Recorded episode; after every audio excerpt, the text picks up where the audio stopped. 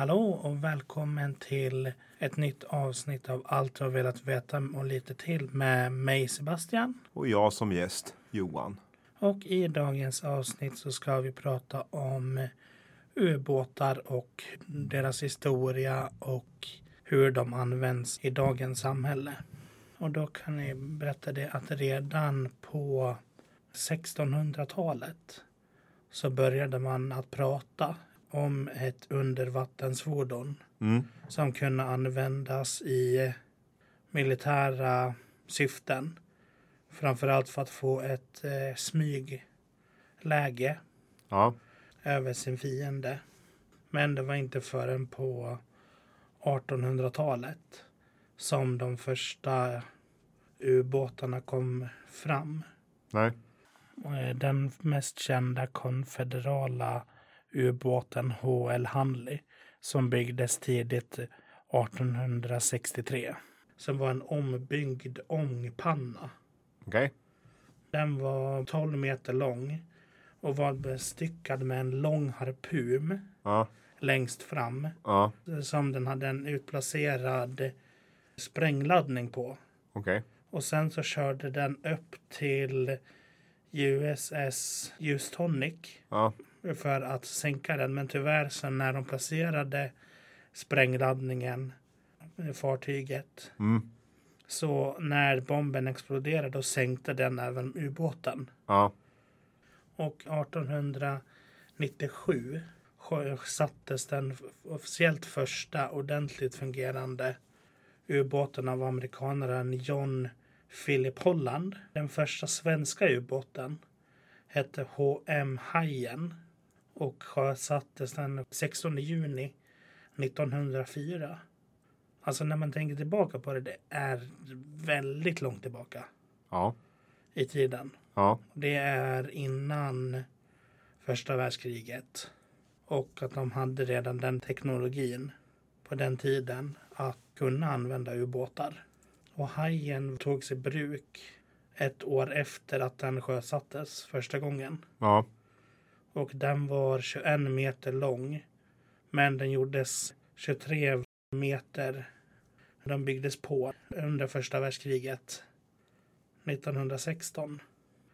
Och under första världskriget 1914 till 1918 började användandet av ubåtar att explodera i användning. Framförallt var det ju tyskarna Mm. som var bäst på att hantera dem.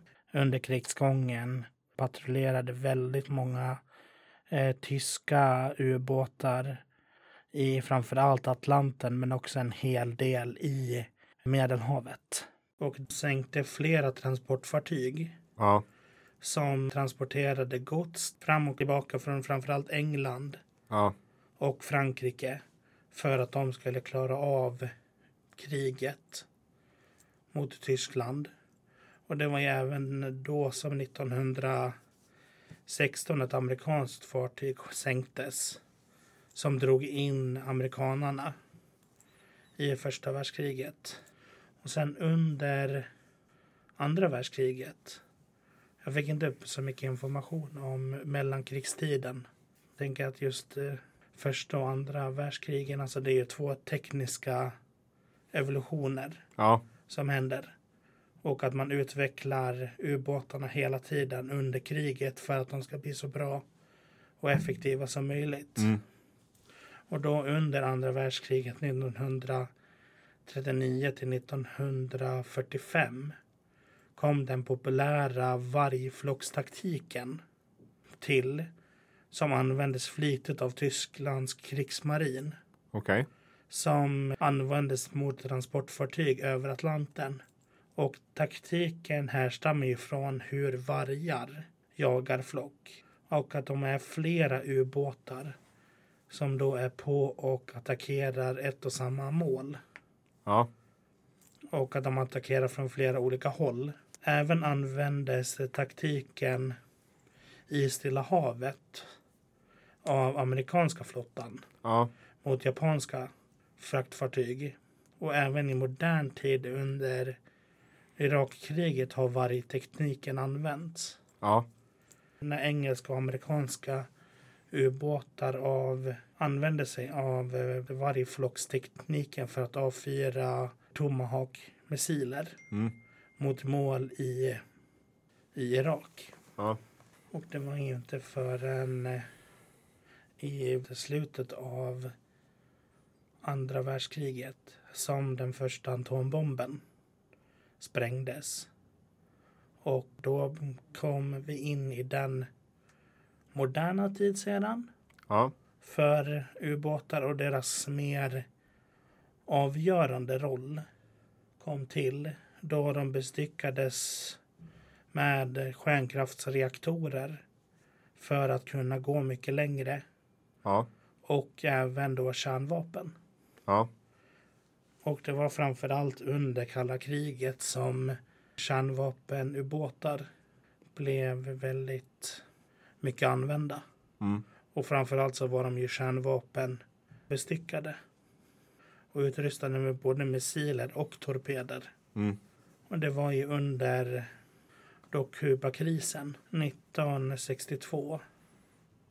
När eh, sovjetiska stjärnvapenmissiler placerades ut på Kuba utanför Floridas kust. Och eh, då helt utan tvekan kunde då nå ut över hela det amerikanska fastlandet. Ja.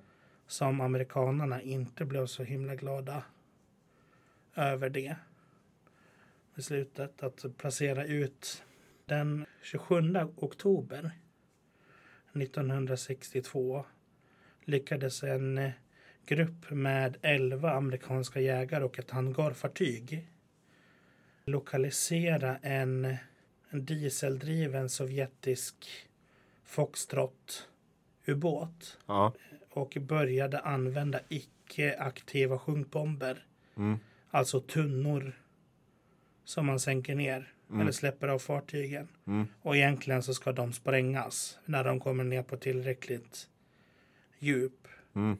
För att trycket gör att de exploderar. Ja. Men de, de använder ju icke-aktiva sjunkbomber för att få upp ubåten Ja. till ytan för att få den att ge upp. Men det sågs ju som en attack Mm. av, eh, av den sovjetiska besättningen. Och utan Moskvas order så laddades en kärnvapentorped Ja. i en av torpedluckorna Ja. och var beredd på att avfyras mot sitt mål. Och då kom det upp till tre män som skulle ta beslutet Ja. om att skjuta och två valde att de skulle skjuta Mm. och en valde att inte skjuta. Och han var ju Vasilij Arkipov Mm. och istället gå upp till ytan, vilket räddade eh, miljontals människor från en kärnvapens förintelse. Mm. För att om de skulle skjuta en kärnvapen laddad torped mot ett amerikanskt fartyg. Jag tror nog inte att det skulle kunna gå och vid det tillfället att diplomati skulle lösa det. Nej. Jag tror nog att den, det var så pass nära då att det kunde totalt bryta ut i full kärnvapenkrig Mm. och då förstöra norra delen av jordklotet. Mm. Och tillbaka i eh, Ryssland så fick ju de här eh, tre officerarna rätt så hård hård utskällning eller liksom bestraffning Ja. för att de hade gått emot Moskvas order om att ladda en kärnvapen laddad torped. Ja. För att tydligen så var de tvungna att ha Moskvas godkännande Ja. för att skicka iväg den. Och det som är tyvärr så fick ju inte Vasili inte så mycket uppmärksamhet av den här händelsen som ändå stoppade ett tredje världskrig. Jag vet, det var en reportage om honom för något år sedan tror jag i DN. Han Mm. dog rätt bortglömd och fattig vad jag förstod det som. Mm. Han dog av eh, njurcancer Ja. som han hade, eh, som de förmodar han hade fått i samband med en eh, reaktorolycka Ja, på en annan ubåt ett år innan Kubakrisen okej. hände. Och att han eh, då dog 1998. Mm, Relativt oförmögen. mm, Och många inte heller riktigt vet om hans, hans beslut och historia. nej. Och det var 2002 så Thomas S. Blanton, direktör för National Security Archive i Washington, Mm, att Vasili var the man who saved the world. ja, Vilket han då har fått det namnet. mm, Tisdag kväll den 17 oktober 1981 höll den svenska ubåten Neptun på med en övning och testa den nya Torped 42 utanför Karlskrona skärgård tillsammans med två helikoptrar. Ingenting var speciellt annorlunda. Vädret var klart och havet var spegelbrant stilla. Klockan 20 samma kväll gick den sovjetiska ubåten U-137 som tillhörde ubåtsklassen Whisky inom NATO-benämning på grund i Gåsfjärden ungefär en mil sydost om, om Karlskrona och den svenska flottans hamn. På egen maskin försökte besättningen komma loss från grunden men misslyckades och bestämde besättningen tillsammans med kommendören ombord klättrade ut ur ubåtets torn. Bedöma situationen. Besättningen på U137 visste till fullo att det befann sig på svenskt territorium trots senare påstående om att de inte visste vad det var.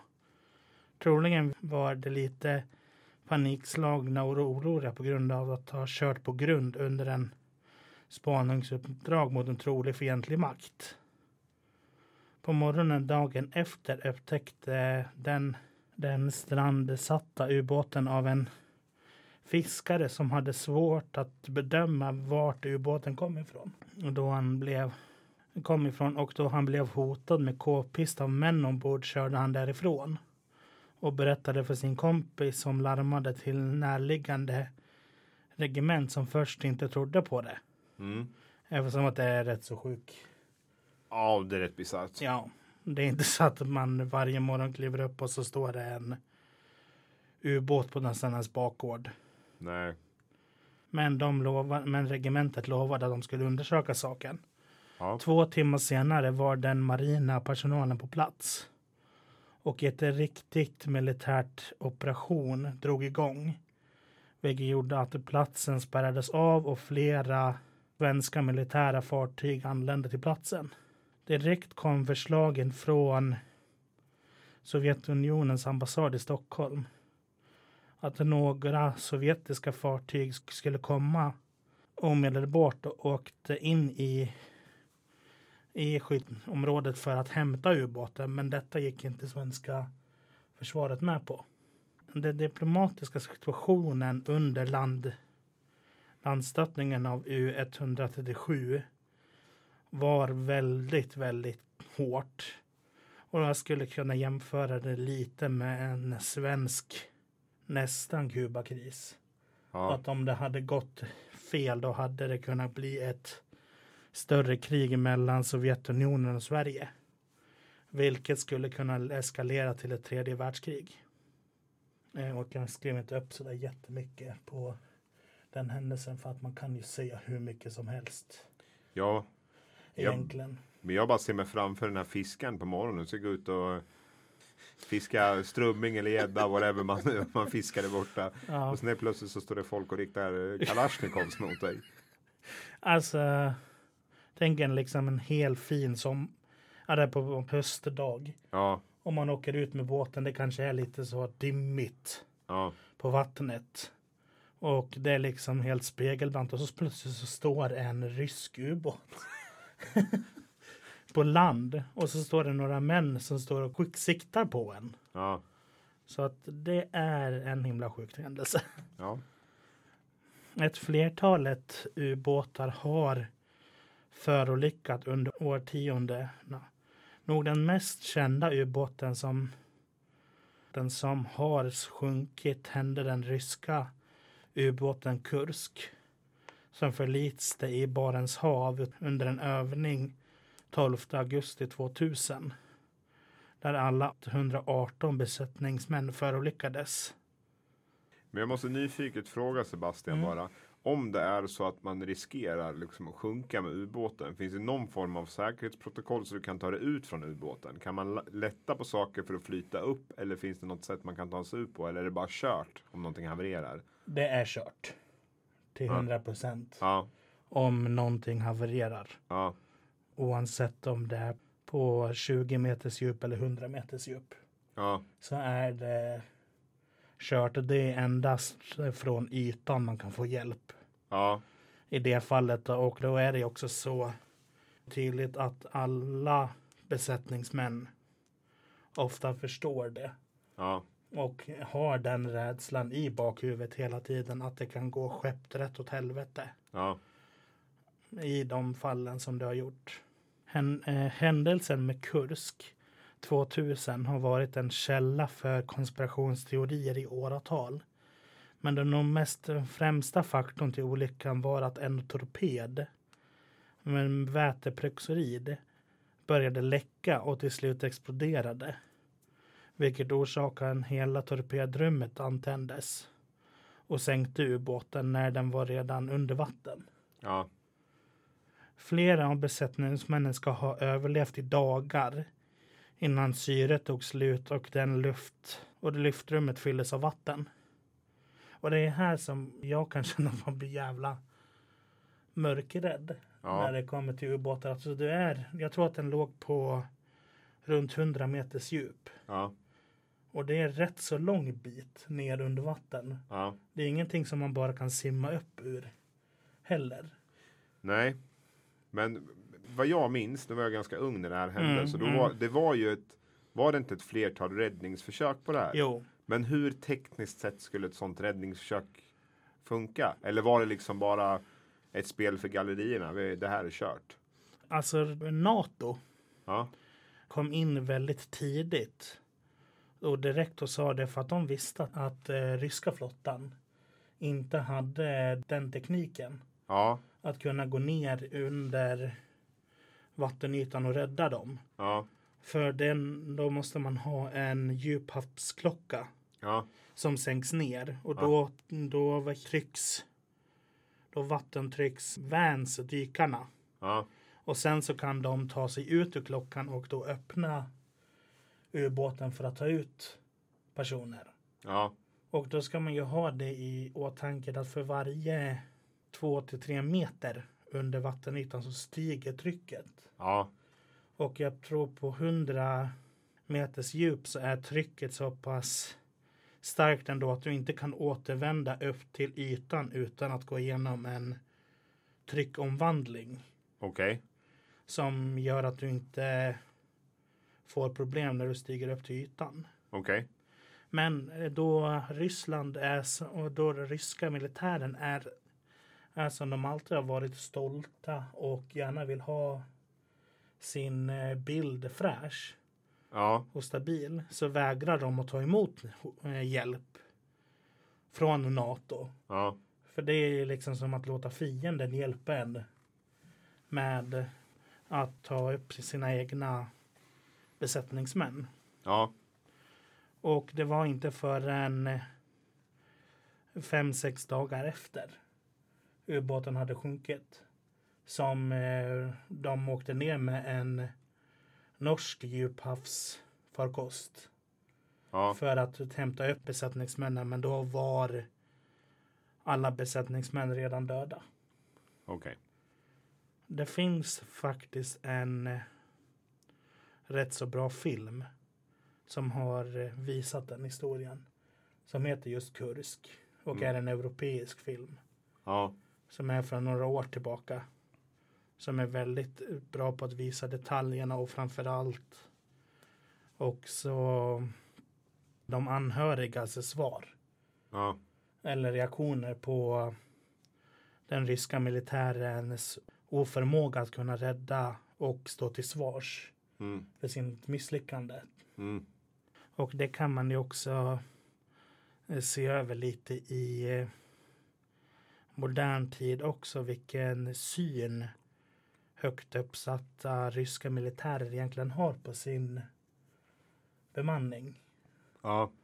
Och sådana saker med tanke på att de inte bryr sig så jättemycket om vem det är som lever och vem det är som dör. Okej. Det är mest bara soldater som är till för att dödas liksom. I flera tillfällen under åren som eh, ubåtar har existerat har främmande makters ubåtar spårats på svenskt territorium Ja. och vatten. Och det handlar framför allt om eh, flera tillfällen i Stockholms skärgård. Och även i Bottenviken. Och eh, i utkanten av Karlskrona.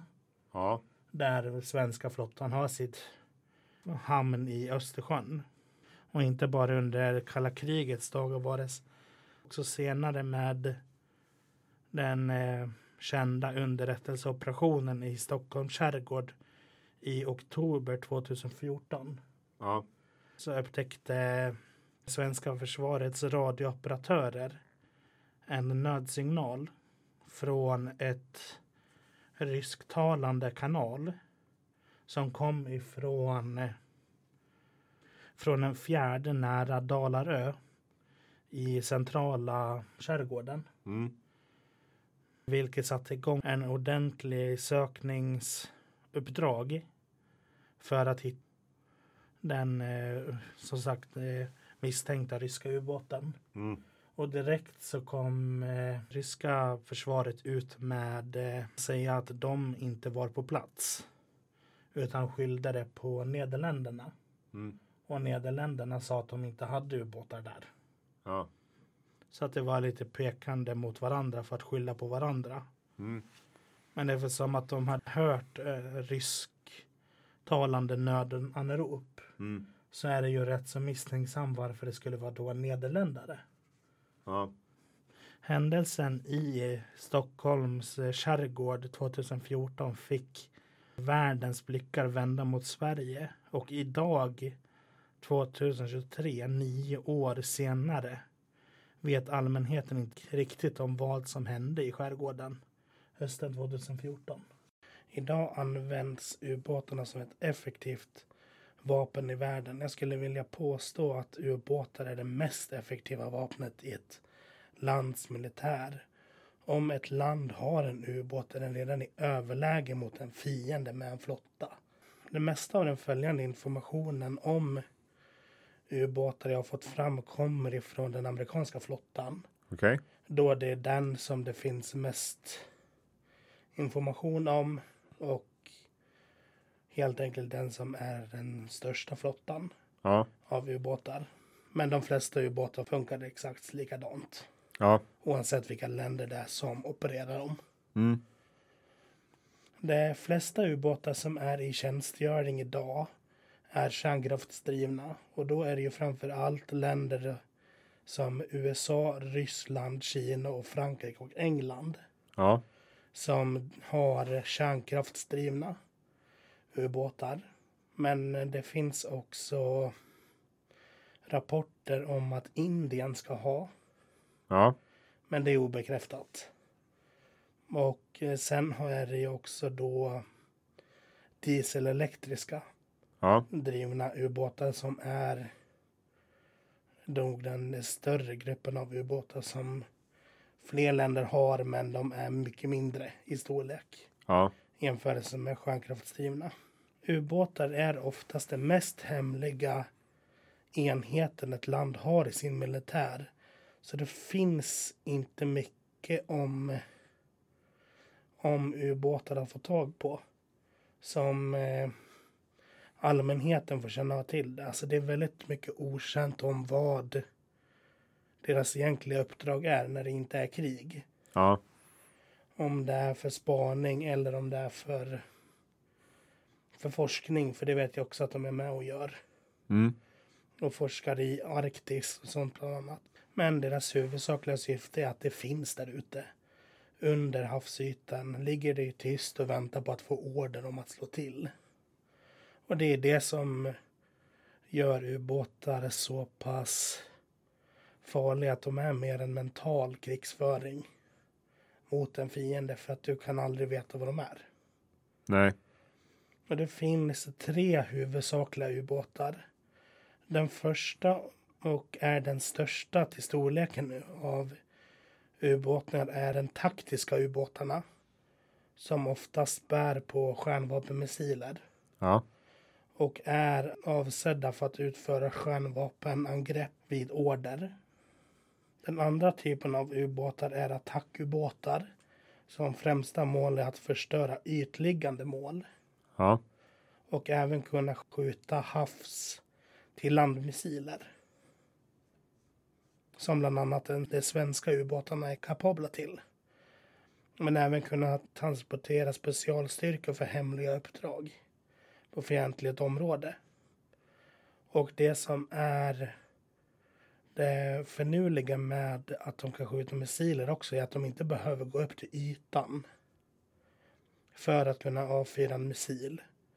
De kan avfyra en missil från under vattnet som stiger upp till ytan av sig själv och sen så börjar den att flyga när den kommer upp till ytan. Mm. Så att de behöver inte avslöja sig överhuvudtaget. Den tredje och minsta gruppen ubåtar är spaningsubåtar som är betydligt mindre än de andra och kan ofta ta sig in i en fientlig hamn eller område för att spana eller förstöra ett mål. Mm. Och det är den varianten jag tror att de har mest haft problem med i skärgården Ja. när de har jagat. Att det är mindre spaningsubåtar som har varit på svensk vatten. Då är det inte så stort manskap på dem heller kan jag Nej, tänka mig. det, det kan bara vara fem, sex personer Ja. ombord på dem. Så det behöver inte vara stora besättningar. Nej. Det finns ju även djuphavs ubåtar som kan klara av att gå ner på flera tusen meters djup. Ja. Men dessa används mer för forskningssyfte Ja. och för djupvattensvrak Ja. och utforska dem. Ja. Och det är ju bland annat sådana som har varit ner och kollat på Titanic bland annat. Men de är ju framförallt mer forskningssyfte Mm. än ett militärsyfte. Ubåtarna har ett rätt så liknande utseende. En ståltub med ett torn och ett feno både bak och fram för stabilisering och styrning. Mm. Både bak och fram på ubåtarna finns en balanstankar som fylls med vatten eller luft. Vatten för att sjunka och luft för att stiga. Även en ubåt har fenor som står ut på sidan av fartyget som fungerar som en stabiliseringsvingar. Dessa vingar fungerar som på ett flygplan eller luftfarkost och kan hjälpa ubåten hålla sig rak i vattnet eller vid dykning eller stigning luta sig Mm. framåt eller tillbaka. Mm. Och då är det rätt så fränt att se på ubåtsbesättningen för de är så vana med de här konstanta lutningarna Mm. som görs under färd så de, deras kroppar lutar liksom automatiskt Mm. emot det håll som fartyget lutar. Man skulle kunna göra testet själv hemma. Trycka en tom vattenflaska Mm. ner i vatten som bara är full med luft och den kommer att snurra åt alla håll. Eftersom att den inte har någon stabilisering. Nej. Men sen kan man ju ta och sätta på vingar och då kommer den ju att stanna åt det hållet man vill att den ska stanna. Ja. Men även fast de har vingar så kan de fortfarande stor risk att de kan tippa. Mm. Vi säger om de ska trycka igenom is Mm. för att ta sig upp till ytan. Då finns det en risk att de kan lägga sig över och då gör det väldigt obehagligt för besättningen ombord. Ja. Här kommer lite på, nu är tillbaka till det du frågade om. Mm. Besättningen ombord är beroende på ubåtsklassen i olika storlekar i olika antal. De största taktiska amerikanska ubåtarna kan det vara uppemot 200 Oj. Ja. i besättningen. Tänk då 200 personer på en väldigt trång yta. På de mindre attackubåtarna kan det vara mellan 130 till 150 i besättningen. Och på de svenska ubåtarna kan det vara 85 Ja. personer Ja. i besättningen då svenska ubåtarna är bara 35 meter långa. I jämförelse med de stora amerikanska ubåtarna som är över 100 meter Ja. långa. Det är sinnessjukt när man tänker på det. Ja, och då är det oftast att de delar på på de större ubåtarna har de ju ofta egen säng. Ja. Men annars så ligger de oftast i dubbelsängar. Ja. Tre, fyra stycken ovanpå varandra. Ja. Och ibland kan de ju även dela på dem där. Man går ett sex timmars skift. Mm. Och så är det någon annan som sover i din Mm. säng. Samtidigt som du gör ditt jobb. Ja. Men sen när, det, när ditt skift är slut då byter ni plats med varandra. Och det finns ju väldigt få utrymmen för duschar och sådana faciliteter. Mm. Ombord det finns ju ombord men det är ju liksom väldigt trånga grejer. Det är ingenting man kan jämföra med det man har hemma liksom. Nej. Och i spaningsubåtarna kan det ju vara endast två eller flera i besättningen. Och de är ju oftast för kortare uppdrag. Mm. Så de har ju inte sängar ombord eller sådana saker. Jag vet att på den största ryska ubåten som finns så har de även lyxat till det med en bastu och en swimmingpool Oj. ombord. Ja. Och den är ju typ 150 meter lång. Den är rätt lättupptäckt i sammanhanget då kan jag tänka mig, eller? Ja, alltså den storlek gör ju att den är väldigt lätt att upptäcka. Ja. Definitivt. Och sen är det ju det med kärnkraftsdrivna ubåtar. De lämnar ett litet spår av strålning efter sig Ja. i vattnet som gör att andra kan spåra dem Ja. mycket, mycket lättare. Och sen har de också en blindyta precis bakom propellen. Så om ett annat ubåt lägger sig där, då kommer inte den främre ubåten märka att de är där. På grund av att ljudet från deras egen propeller Ja. Överröser den andra ubåtens Okej. propeller. Så att, de kan, så att den främre ubåten märker inte ens av att de är förföljda. Nej. Och det har ju hänt vid ett flertalet gånger under, säg kalla kriget, men även i dagsläget att ubåtar har råkat krocka med varandra. För att de inte vet att de är där. Okej. De ser inte varandra. Så helt plötsligt så smäller det till och då har man kört in i en annan ubåt. Och det har ju hänt med både amerikanska och ryska ubåtar men också med amerikanska och franska ubåtar Ja. x antal gånger. Som i alla militärgrenar är ubåt, ubåtsbesättningen uppbyggd på rang och grad inom det militära.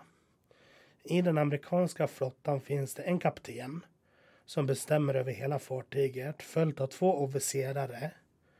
En exklusiv officerare och en som är kaptenens andra hand. Och en chef för båten som är länken mellan besättningen och kaptenen Mm. ombord. Sedan kan det vara navigeringskommendörer och som ombord på de flesta amerikanska ubåtar en reaktorkommendör Mm. som bestämmer i reaktorrummet. Mm. Sedan följer det med läkare, huvudmekaniker och andra viktigare roller. Mm. Och det som är otroligt fascinerande med ubåtsbesättningen är att de kan vara ute på uppdrag i flera månader i rad. Eftersom att människor är som de är så kan det hända olyckor. Mm. När någon blir skadad. Eller behöver vård. Och det kan de fixa ombord. Har de läkare eller sjuksköterskor? Ja, de eller? har läkare ombord.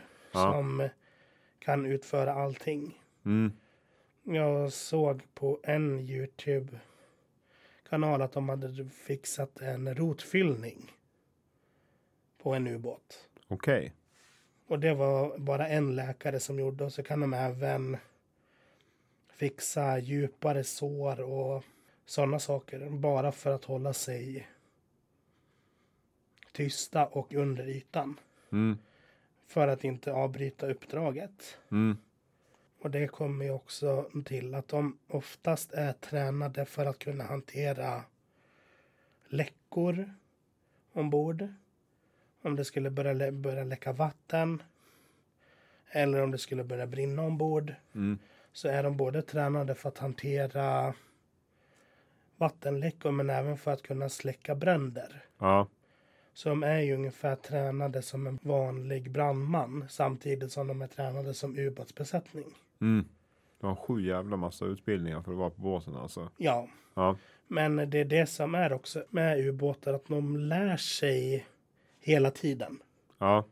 Att när man kommer ombord på en amerikansk ubåt så får man oftast en har man en väldigt låg rang Mm.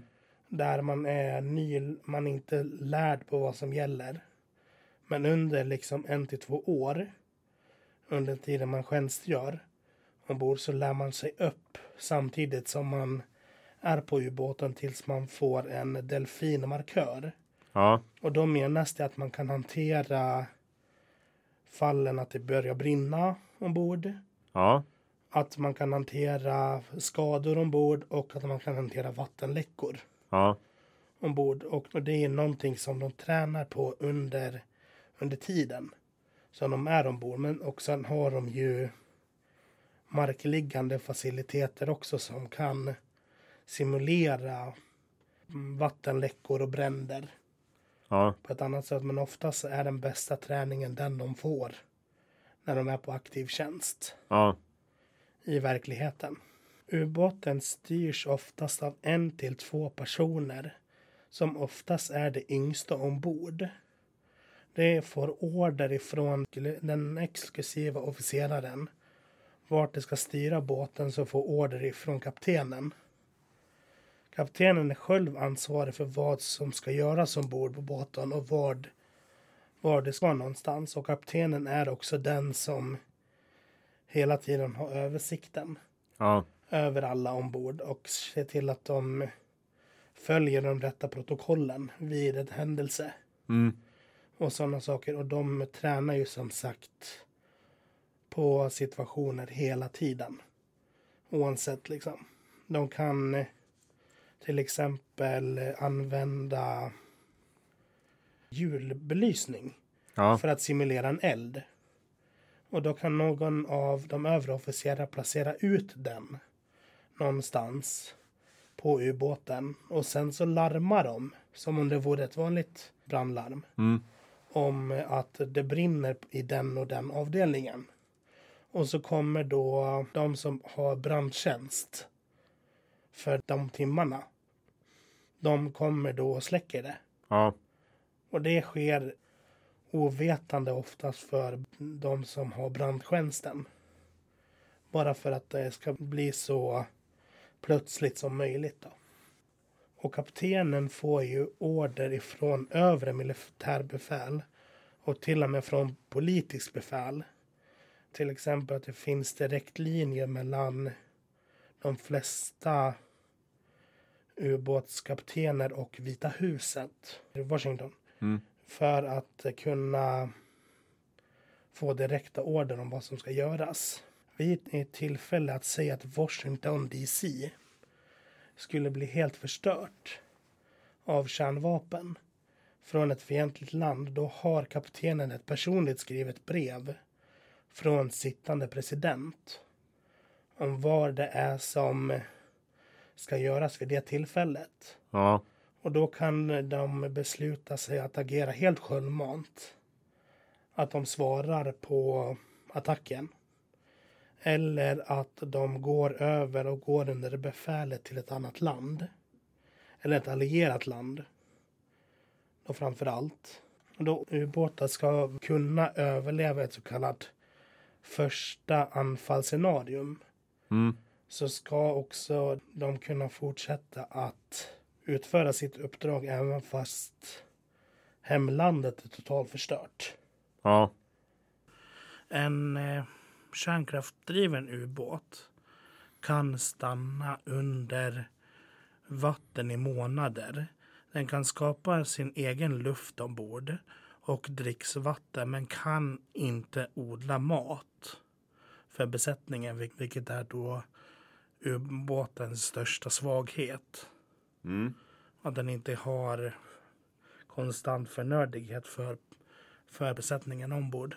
Och då besättningen också förväntas att, att äta tre måltider om dagen och inte fler. Försvaras mycket fryst mat och torr mat ombord. Mm. Kockarna ombord på en ubåt är oftast det bästa i hela flottan. Då bra mat ökar moralen och viljan ombord. All mat såsom pizza och hamburgare och liksom korv och sånt. Det görs, allting görs från grunden Okej. ombord. För att då är kvaliteten så mycket bättre än säg en vanlig fryspizza. Mm. Så då gör de också även sitt eget bröd ombord. Och egna maträtter och sådana saker. Och då ubåtar är väldigt stängd och isolerade miljö bildas ofta en stark gemenskap ombord. Det finns möjlighet med små nöjen såsom brädspel, sällskapsspel och i vissa fall även tv-spel. Ja. Och det vet jag att vi pratade om tidigare också, men kan ju nämna det att i vissa av de riktigt stora ryska ubåtarna har de ju även en, en simbassäng Mm. och en bastu Ja. ombord. För varför inte? nu när vi ändå kör med den största ubåten då kan vi väl lika gärna ta och installera det. Mm. Då också ubåtarna är en stängd och isolerad miljö har jämställdhetsfrågorna varit svåra att kunna göra någonting med. Så ofta har det bara varit män ombord. Men de senaste åren har förändringar börjat hända att få mer kvinnor ombord. Mm. Och då handlar det framför allt, vet jag, om de större amerikanska ubåtarna har de börjat att skapa vissa enskilda omklädningsrum såklart. Ja. Och eh, badrum och sådana saker ombord. Det kan man endast få till på de större ubåtarna. För annars är ytan för liten. Mm. Luften ombord skapas på två olika sätt. Det första och vanligaste är att ta havsvatten, omvandla den till sötvatten och använda natrium och elektroner för att skapa syra att andas. Även används specialgjorda ljus som är en kemisk reaktion skapar luft. Det har även använts på rymdstationer och endast en gång gick det fel på rymdstationen Mir. Ja. Då är det oftast de tänder eld på ett ljus Mm. som står i en speciell behållare. Och då när den står och brinner så producerar den luft Ja. som går att andas. Duschar och gå på toa i en ubåt är väldigt begränsat. Det är oftast trångt och problematiskt att sköta ombord. Oftast finns det bara en till två toaletter ombord på en ubåt med en besättning mot 200 Mm. personer. Så är det rätt så tydligt att det kan bli problem. Men medan det kan finnas en till två duschar. Men kaptenen och övriga officerare har oftast egna rum och egna toaletter med duschar Mm. ombord. Och då kan jag ju se det att de tar ju oftast då vattnet ombord är ju från omvandlat havsvatten. och avloppsvattnet rensas och kan användas igen. Eller ser det ut vid havet om det skulle vara en möjlighet för det. Ja. Ubåtarnas mest kända vapen är nog torpederna och en ubåt kan ha två till flera torpedtuber både fram och bak på ubåten. Den svenska ubåtsklassen Gotland har sex torpedluckor fram på ubåten och kan avfyra alla samtidigt. Mm. Torpederna har använts sedan tidigt 1900-tal och har fungerat ungefär på samma sätt sedan dess. Torpederna har en egen motor som antingen är driven på lufttryck eller elektrisk motor och en sprängladdning längst fram på torpeden som kan vara olika laddningar. Även kan de vara kärnvapenladdade. Mm.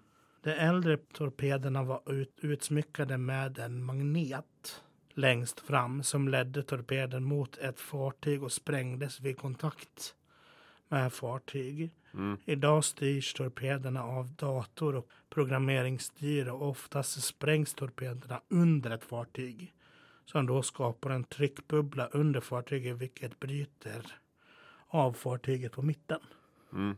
Hur ubåt ser världen runt om sig beror på, på tekniken de använder men oftast använder det sig av radar och, och ekolokalisering som färdas genom vatten. Ljudvågor färdas mycket fortare och starkare under vatten än det gör i luften.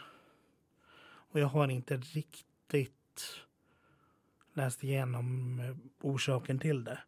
Men jag vet att så är orsaken. Mm. Att det är lättare för ljudvågor att, att eh, gå genom vatten. En ubåt skickar ut ett pingande ljud som färdas genom vatten och när den träffar havsytan eller havsbotten och till slut ett potentiellt kontakt vilken kan vara fientligt så studsar ljudvågen tillbaka Mm. till ubåten och då ser de det på radarn.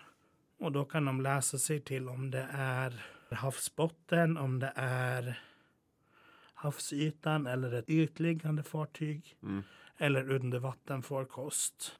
Experimentet själv på sommaren när du badar i en sjö eller i havet och du ser en båt åka på några hundra meters avstånd från där du är kan du dyka ner under vattnet. Och då hör du ju klart och tydligt motorljudet Mm. från båten. Det vet jag att jag har testat flera gånger. Men är det så att så pass tyst under vattnet på grund av att det isolerar ljud också? Som du inte hör. När du är ovanför vattnet så hör du ju allting. Mm. Vattnet isolerar ljudet. Så det är väl säkert därför det blir tydligare då kanske. Ja, det, jo, det, det, det, är väl min, det är väl min hobbygissning om jag skulle ja, säga så. ja. Jo, men det är nog någon sanning i det Ja. också, skulle jag tro. Men radiooperatörerna Mm. ombord på en ubåt, de kan höra och läsa tydligt på det ljud som farkosten gör ifrån sig, vad det är för typ av fartyg och de kan till och med höra vilken nationalitet Mm. fartyget har beroende på motorljudet. Okej, ja. Så att det är väldigt detaljerat hur mycket de lär sig om ljud Mm. och att tolka de radarsignalerna de får in. Mm. Och då har vi kommit till slutet av detta ämne. Ja. Och jag ska även säga det att under inspelningen av detta avsnitt så släpptes information om att en rysk spaningsubåt har varit i Gävle hamn Mm. 2017 för sex år sedan. Och då bevisade det tydligt hur effektiva båtar är idag. Mm. Att det finns alltid där ute och är alltid redo för att utföra sin attack mot ett utsatt mål. Eller om det är med det för spaning. Ja.